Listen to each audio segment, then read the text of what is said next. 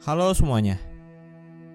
Masih sama aku di sini Iksan yang bakalan nemenin kalian selama kurang lebih setengah jam di channel podcast dengerin horor. By the way, aku mau ucapin terima kasih buat teman-teman yang udah dengerin channel podcast aku baik dari Spotify, Apple Podcast, Google Podcast, iTunes PC ya. Apa pun itu platform podcast di Indonesia ya. Terima kasih banyak teman-teman. Anyway, jadi uh, aku mau cerita sedikit aja nih ya. Sedikit aja tapi ya.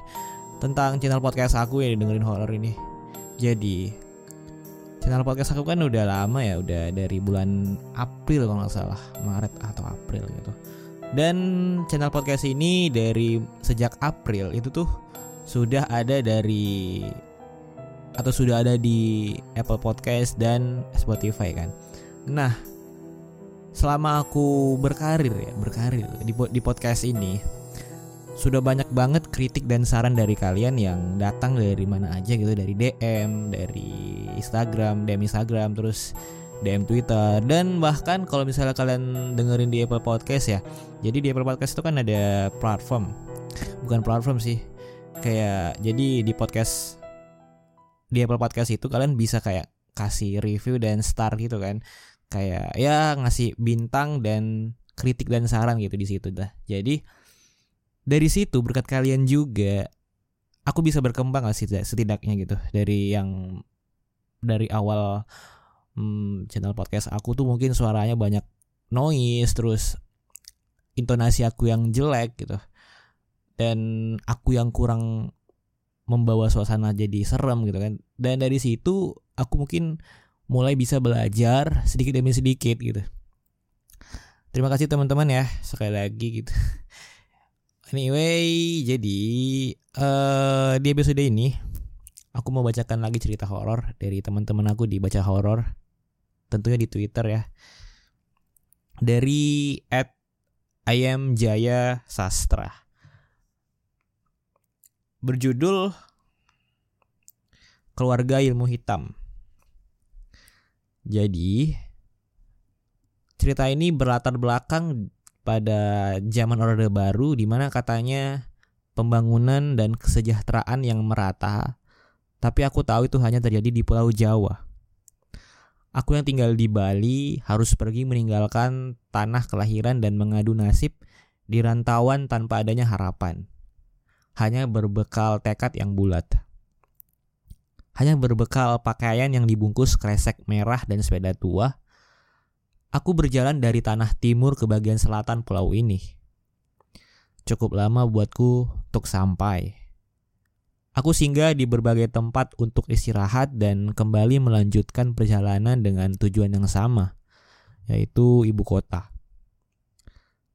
Sampai akhirnya aku tiba di sebuah desa perbatasan antara Denpasar dan Gianyar. Tempat ini masih sunyi banyak lahan kosong dengan tanaman liarnya. Bahkan di sore hari sudah sepi. Aku mencari kos untuk tempat singgah selama satu bulan selagi aku mencari pekerjaan. Aku terus mengayuh sepeda menuju arah Denpasar sampai menemukan sebuah pasar. Di sini lumayan ada beberapa orang. Aku kira orang-orang kota akan malu berbelanja di pasar dan lebih memilih ke supermarket seperti di TV. Diriku berusaha berbaur dengan masyarakat sekitar. Sampai membeli beberapa makanan, aku iseng bertanya kepada orang-orang di sini. Biasanya orang-orang di sini mempunyai rekomendasi kos yang cocok bagi perantau. Karena tempat ini begitu dekat dengan sekolah dan banyak dari desa-desa bahkan dari NTT bersekolah di sini. Kemudian aku pun bertanya sama salah satu pedagang ubi di sana. Permisi pak, apakah ada kos-kosan di sekitar sini? Kemudian pedagang ubi ini melihatku naik turun seperti petugas pelabuhan yang melakukan pengecekan melalui visualnya. Coba tanya di sana Gus. Saya belum dapat jualan ini. Jawabnya sambil tak menghiraukanku. Kemudian merasa diabaikan, aku hanya mengangguk dan pergi menghilang secepatnya. Hari itu aku berpikir untuk tidur di pos polisi saja. Hitung-hitung lebih aman dan nyaman. Sambil berjalan menandan sepeda di sebelah kiri, aku disapa oleh seseorang. Gus, Gus. Karena merasa terpanggil, aku menoleh ke belakang. Ternyata ada seorang lelaki paruh baya melambaikan kain penutup kepalanya ke arahku. Sambil bertanya, "Nyari kos?" Kemudian aku pun mengangguk seperti memberi harapan kepadanya. Ia tersenyum. Ya sudah, ayo sini. Mumpung di rumah saya ada yang sudah keluar. Mendengar ajakannya, betapa senangnya diriku. Setidaknya tidak tidur di sembarangan tempat untuk malam ini. Aku mengikuti lelaki ini di belakang tanpa perlu bertanya banyak. Ternyata kos ini berada di tempat yang strategis. Dekat dengan pasar, jalan raya utama, sekolah dan juga lapangan tempat sabung ayam. Apalagi harga yang ditawarkan saat itu sangatlah murah.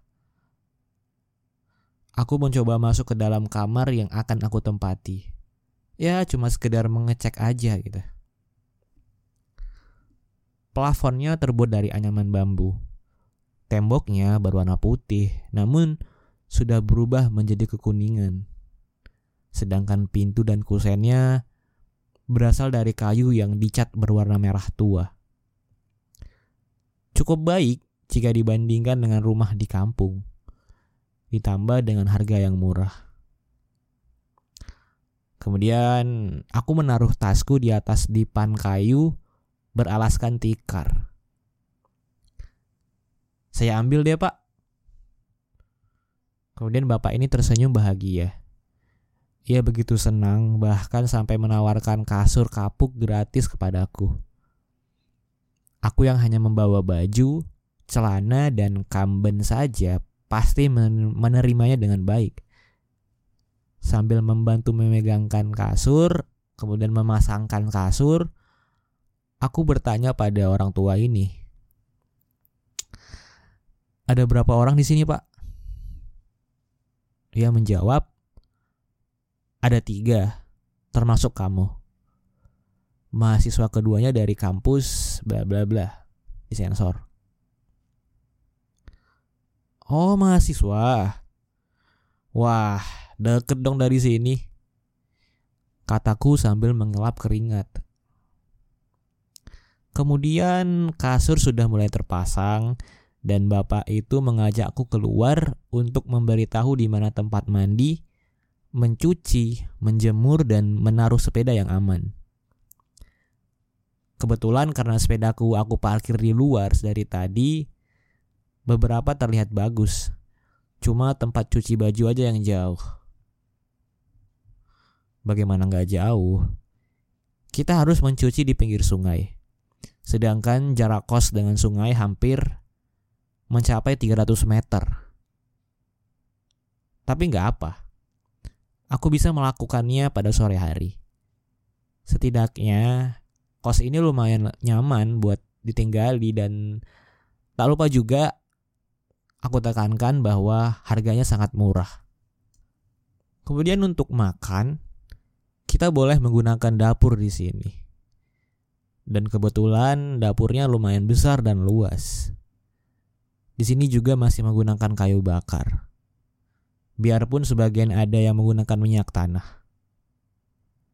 Udah aku bilang kan dari tadi bahwa di sini tuh sangat nyaman dan murah. Saat itu aku nggak bertemu dengan dua penghuni kamar lainnya. Begitu juga anggota keluarga lainnya karena para mahasiswa mungkin saja sedang kuliah. Sedangkan anggota keluarga bapak ini bisa aja bekerja atau pergi dengan urusannya masing-masing. Karena hari makin siang, jadi aku memutuskan keluar untuk mencari tahu tentang apa aja yang ada di sini. Selain melihat tempat-tempat, aku juga mencari lowongan pekerjaan. Aku berharap bisa bekerja kantoran tentunya. Tapi aku sadari juga kalau aku ini tamat SD aja pun enggak. Ya setidaknya aku nggak menyerah gitu kan. Kemudian matahari pun mulai tenggelam. Aku pun sudah selesai mengelilingi desa ini. Selain menemukan tempat-tempat yang bagus seperti dam dan lapangan sabung ayam yang aku ceritakan tadi, aku juga menemukan sumber air yang disucikan oleh warga sekitar. Ya lumayan untuk melukat. Jadi melukat itu kayak mandi suci teman-teman. Kemudian aku mengayuh sepeda dan tak lama sampai di kos. Kulihat bayangan mahasiswa sedang masuk ke dalam kamar. Oh, udah pulang sepertinya mereka. Dalam hatiku. Kemudian aku mendekati dan mengetuk pintu kamarnya untuk sekedar menyapa. Tapi anehnya, tak ada balasan. Dan kemudian aku berpositif thinking. Oh, mungkin dia udah capek ya. Jadi ya udah deh, biarin aja gitu. Aku berjalan menuju kamarku dan membuka pintunya. Sembari mengambil handuk, aku sedikit bersenandung lagu yang aku dengar tadi di pasar. Aku nggak tahu judulnya apa, tapi bagus aja tuh di telinga didengar kan maklum aja di desa aku lebih sering ada pentas drama gong dan calon arang ya jadi aku sering denger lagu dan menurut aku lagu di desa ini cukup asik gitu ya Kemudian aku ambil peralatan mandi dan berjalan keluar menuju kamar mandi. Saat keluar kamar, aku lihat dua orang mahasiswa masuk dari luar melalui gerbang kos. Aku menghentikan langkahku dan memandangi mereka berdua. Mereka melihatku dan langsung mengangguk. Melihat mereka menyapa aku, aku juga sambil membalasnya dengan tersenyum dengan menaikkan tanganku. Aku penasaran, siapa orang ini? Ternyata mereka mengeluarkan kunci dari kantong celana dan masuk ke dalam kamar kos. Benar sekali, mereka lah pemilik kamar itu. Jadi, yang tadi siapa? Aku jelas-jelas melihat ada yang masuk ke salah satu kamar mereka. Ya, mungkin mereka berteman ya. Tapi kamar mereka berbeda. Tapi bukan itu yang aku pikirkan. Tapi yang aku pikirkan siapa barusan? Mahasiswa ini terlihat seperti orang timur. Maksud aku etnis Melanesia. Kenapa dik? Aku yang bengong memandang ke arah kamar langsung terkejut.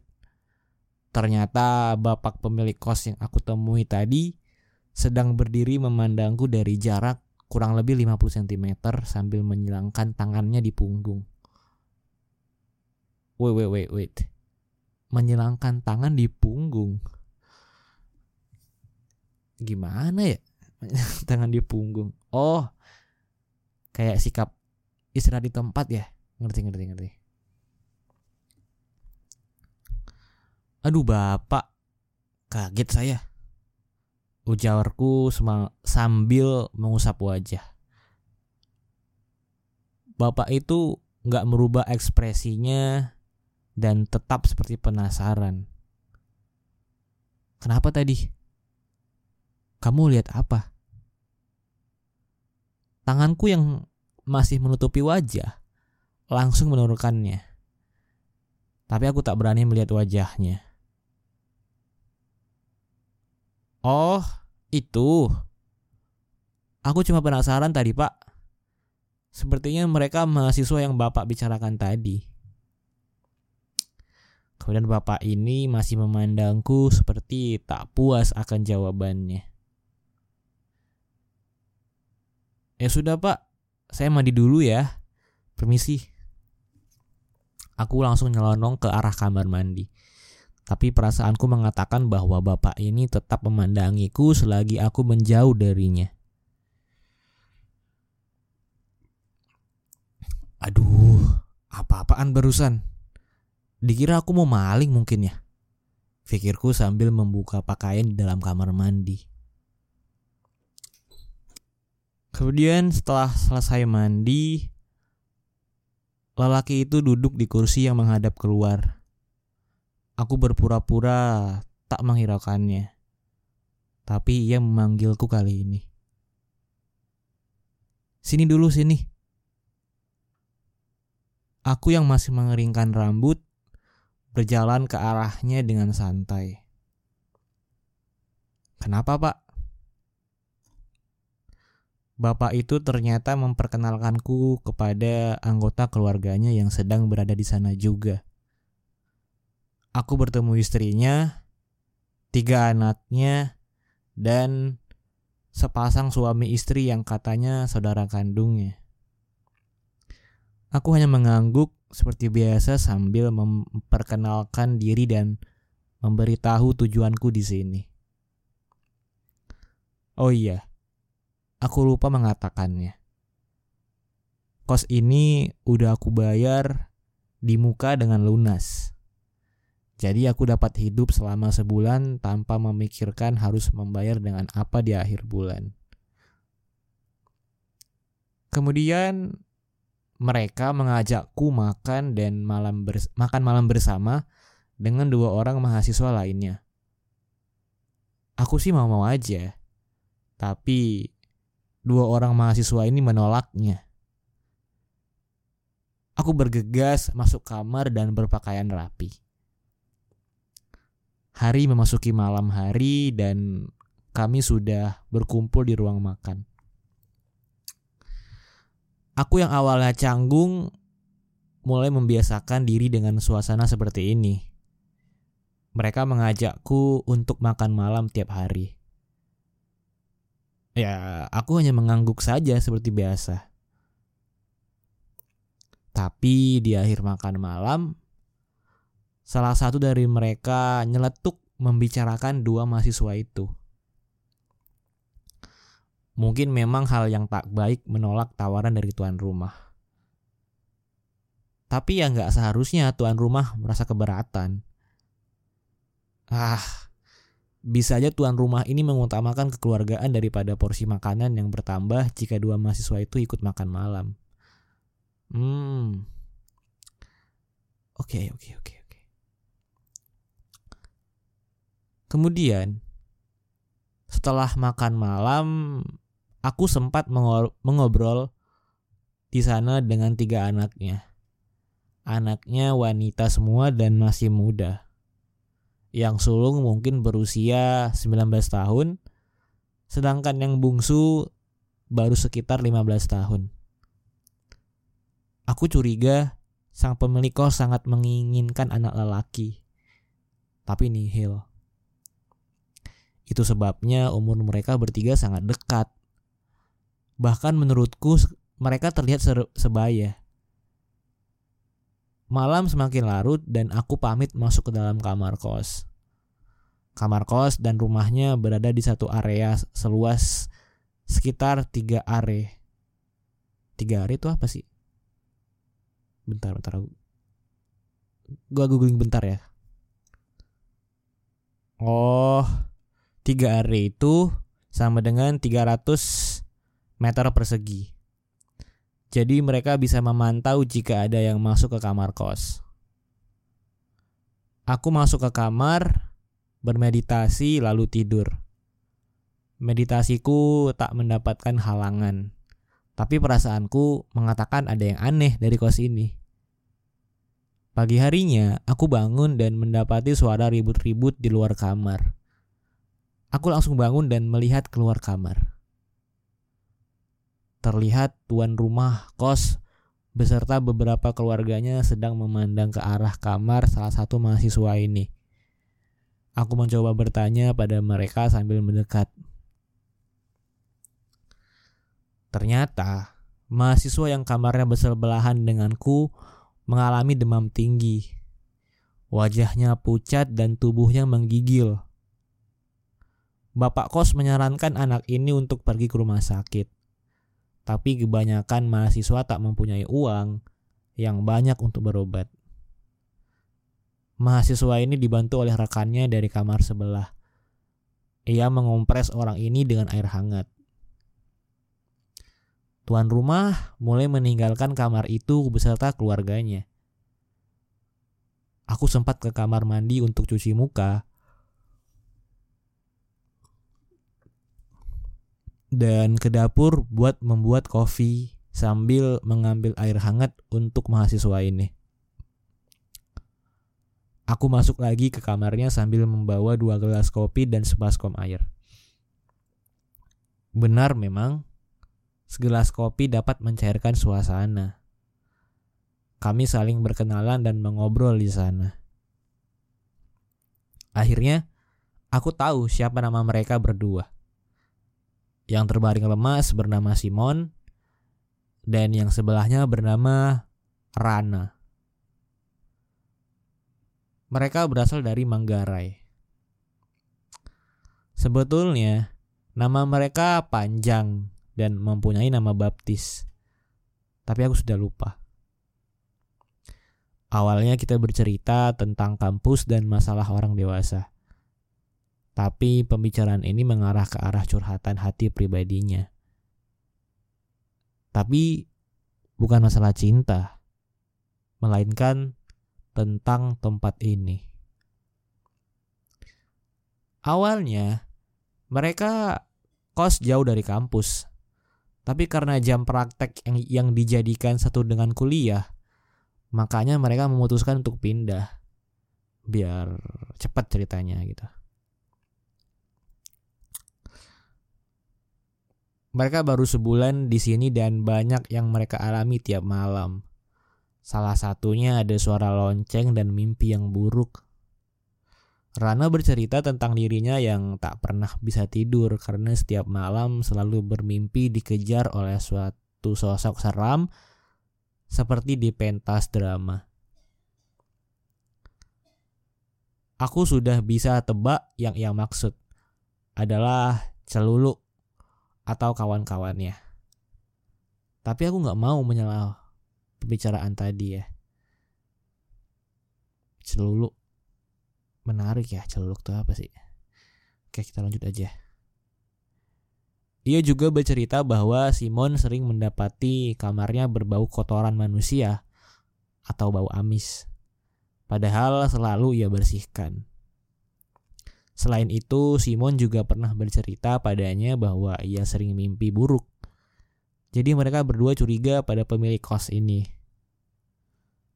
Tak mungkin kos yang lengkap begini disewakan dengan harga yang murah tanpa ada udang di balik batu. Saat Rana sedang membicarakan hal itu, tiba-tiba ia langsung meminum kopinya dan mengusap kepala Simon dengan handuk berisi air hangat. Aku yang merasa digantung langsung bertanya. Lalu?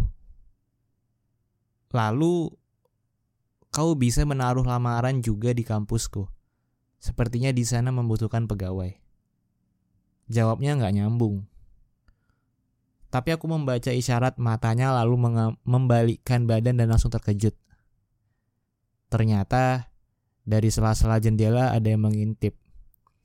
Sepasang bola mata mengintip seperti tahu yang kita bicarakan.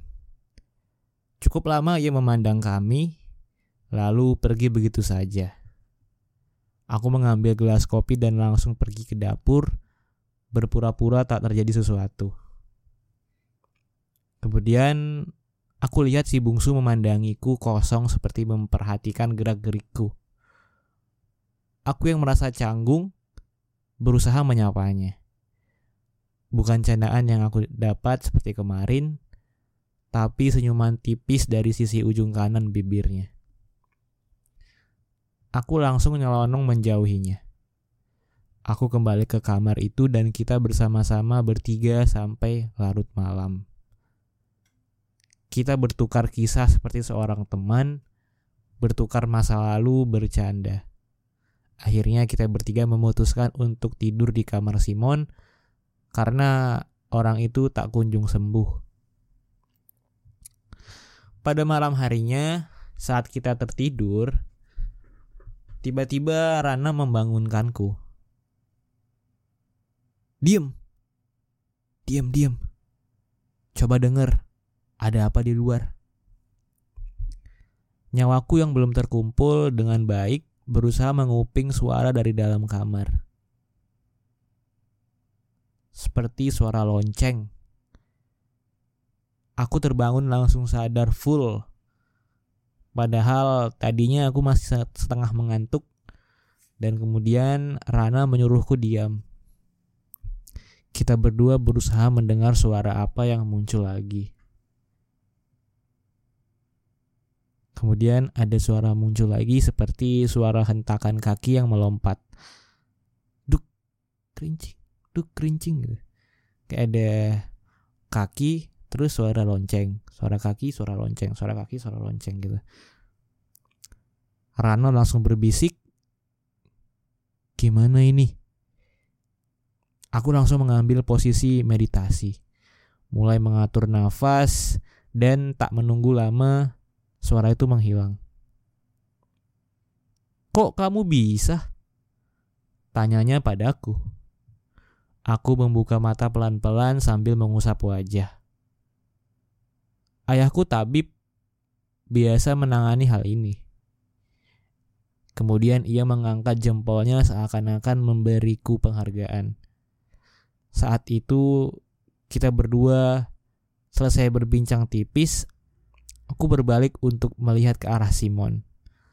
Ternyata Simon bangun dari tidurnya. Ia masih di atas kasur tapi dalam posisi duduk dengan kaki terlentang ke depan.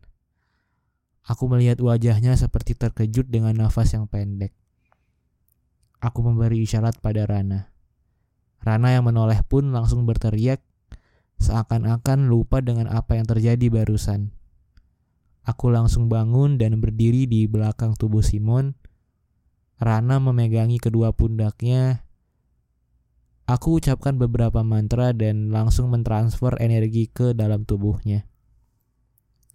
Simon berteriak, tapi mulutnya langsung ditutup dengan tangan oleh Rana. Tak lama setelah itu, ia muntah-muntah dan lemas. Tanganku sangat panas karena gesekan energi dari tubuh Simon dan tubuhku. Saat Rana mulai merebahkan tubuh Simon di kasur, aku melihat ke ventilasi angin. Ternyata ada sepasang mata yang mengintip. Aku nggak tahu bagaimana caranya ia mengintip. Apakah dengan terbang, memanjat, bergelantungan? Aku nggak tahu.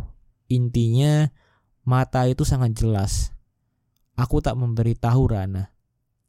Tapi tak lama mata itu menghilang begitu saja. Kami tak bisa tidur semenjak kejadian itu. Pagi harinya, aku memutuskan pergi ke pasar untuk membeli makan dan ngopi. Aku tak berani masuk ke dapur, ke dapur mereka. Takutnya mereka sadar bahwa akulah yang membantu Simon kemarin malam. Di pasar terlihat ramai orang-orang membeli berbagai macam sarana upacara. Aku pun mempunyai inisiatif bertanya pada pedagang kopi ini. Ada hari apa ya sekarang? Kemudian pedagang kopi itu menjawab, sekarang hari Kajeng Kliwon. Aku langsung terkejut. Pantas aja kemarin heboh.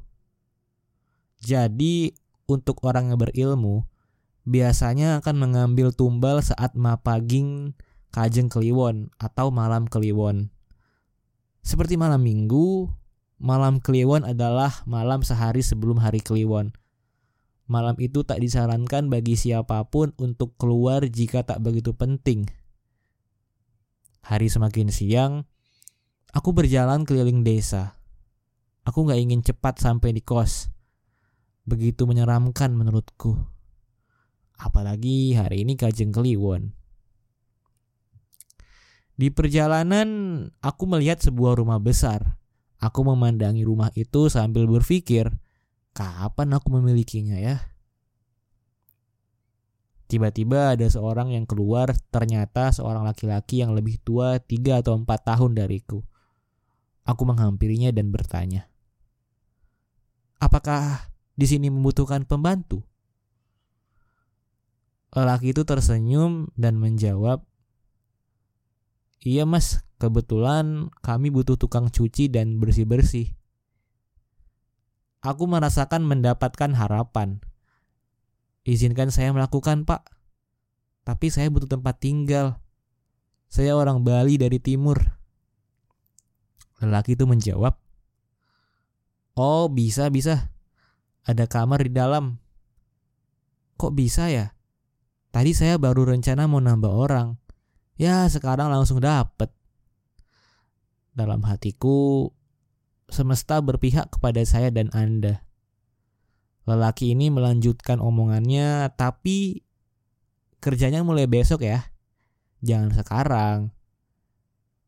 Orang tua saya sudah pergi tadi. Aku pun mengangguk dan setuju beberapa pun bayarannya. Asalkan jauh dari kos itu.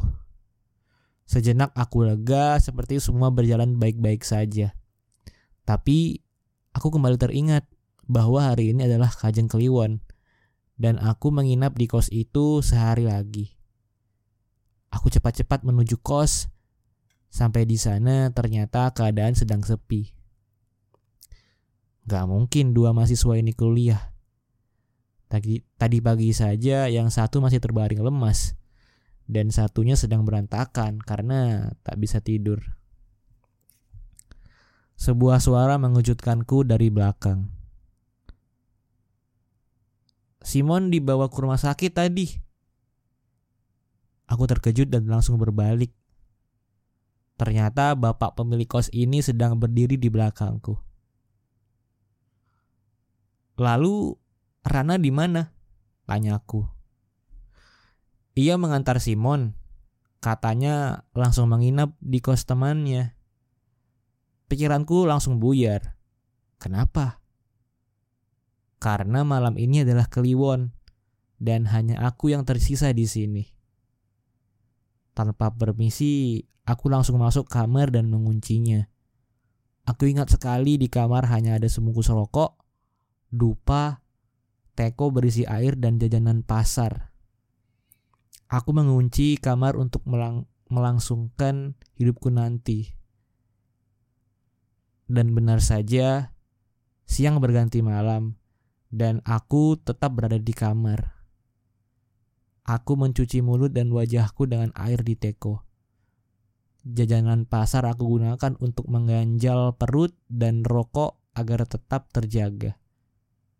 Dupa, lihat saja nanti. Oh, bukan, bukan. Bukan nanti, tapi sekarang. Kemudian tibalah suara khas lonceng di kaki orang yang ngeleak terdengar. Tapi kali ini berbeda. Kali ini suara begitu ramai. Suara lonceng begitu banyak dan terasa seperti mengelilingi rumah kamarku. Aku berusaha menghidupkan dupa, namun korek batang ini tak mau menyala. Aku berusaha menutupinya dan kembali menyalakannya. Api kecil dari korek berhasil menghidupkan dupa. Aku tusukkan dupa ini di atas jajanan pasar yang masih tersisa. Lalu aku ambil posisi bersila. Om Awik Namastu Nama Sidam Mantra demi mantra aku ucapkan mulai mantra pemanggil senjata, penguat diri sampai mantra untuk melawan mereka. Tak sampai 15 menit, dupa di, dupa di depanku sudah tersisa sedikit. Biasanya dupa akan habis selama paling cepat satu jam. Tapi entah kenapa, ini begitu cepat. Aku kembali menghidupkan dupa dengan sabar, tapi tiba-tiba ada suara berat dari luar. Badah mulai janinah ngereh. Teriakku ke arah pintu. Teriakanku dibalas dengan pukulan ke arah pintu. Pintu itu dibukul dengan sangat keras seakan ada yang ingin mendobraknya. Dupa itu aku lemparkan ke samping dan kudorong dipan kayu ke arah pintu agar bisa menahan tendangan mereka.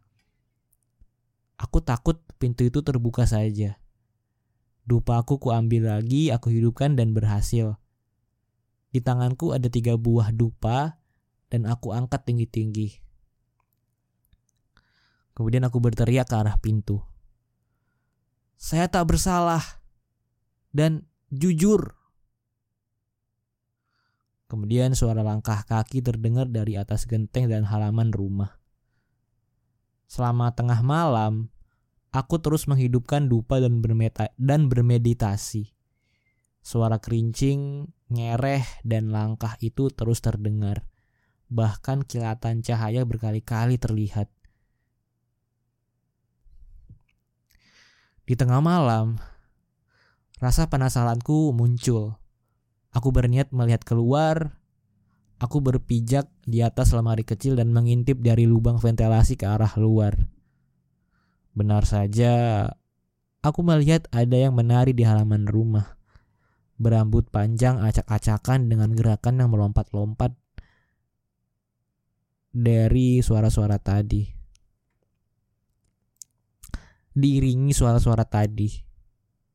Dan seramnya bukan hanya satu, tapi enam orang. Benar sekali, bahkan ada bentuknya cebol, menari sambil menggeleng-gelengkan kepalanya. Sudah dipastikan bahwa satu keluarga ini sedang melakukan ritual ilmu hitam. Kenapa cuma enam ya? Tanyaku dalam hati. Harusnya kan tujuh. Belum selesai aku bertanya, tiba-tiba ada sosok api berterbangan di atas rumah setiap melewati atap akan menimbulkan kelihatan kilatan cahaya dan suara dentuman kaki. Pasti ini yang lagi satu. Ia sudah berubah menjadi api. Aku kembali duduk dan mulai bermeditasi. Oh, ngerti, ngerti, ngerti.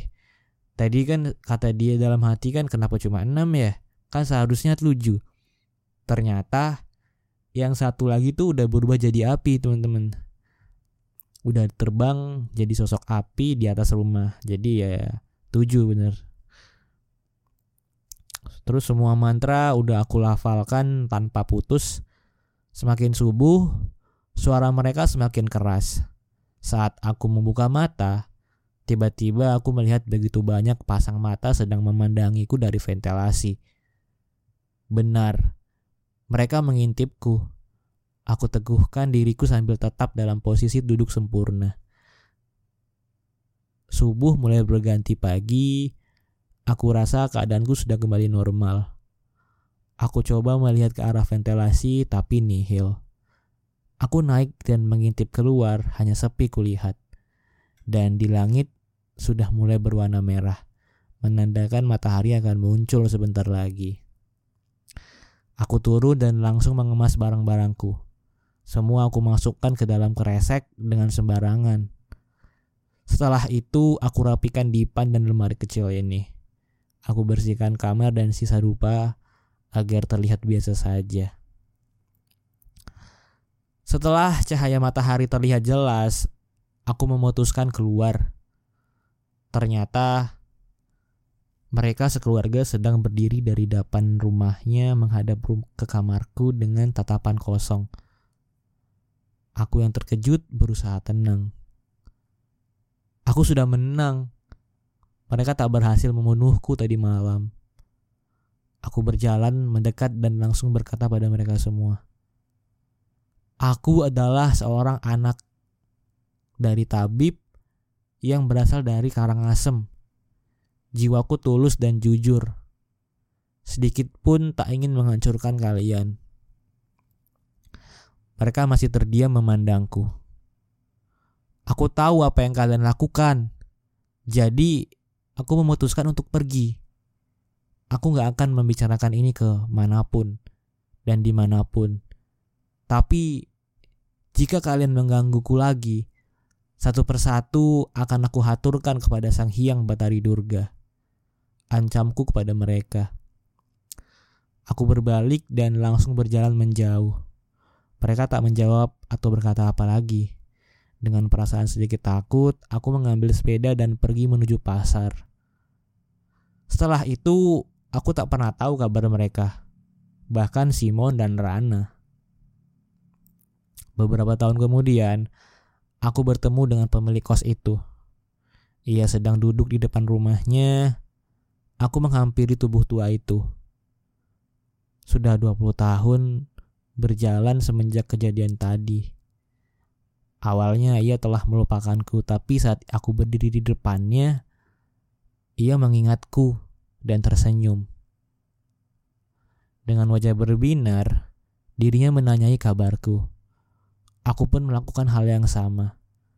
Lalu arah pandangannya tertuju pada anak-anak kecil yang berada di sebelahku. Ia bertanya, "Berapa umur anak ini?" Aku jawab saja, masih lima tahun. Senyumnya begitu lebar dan dengan gigi yang sudah ompong. Benar sekali, 19 tahun kemudian, anak umur lima tahun tadi itulah yang menulis cerita ini untuk kalian. Anak itu adalah aku, dan lelaki yang berjuang di malam hari itu adalah bapakku. Wah jujur men gue merinding Jujur aja nih ya Pas sudah selesai baru merinding nih men Oke lah teman-teman. Terima kasih sudah mendengarkan podcast ini sampai habis. Aku Iksan sampai jumpa lagi di episode berikutnya. Bye bye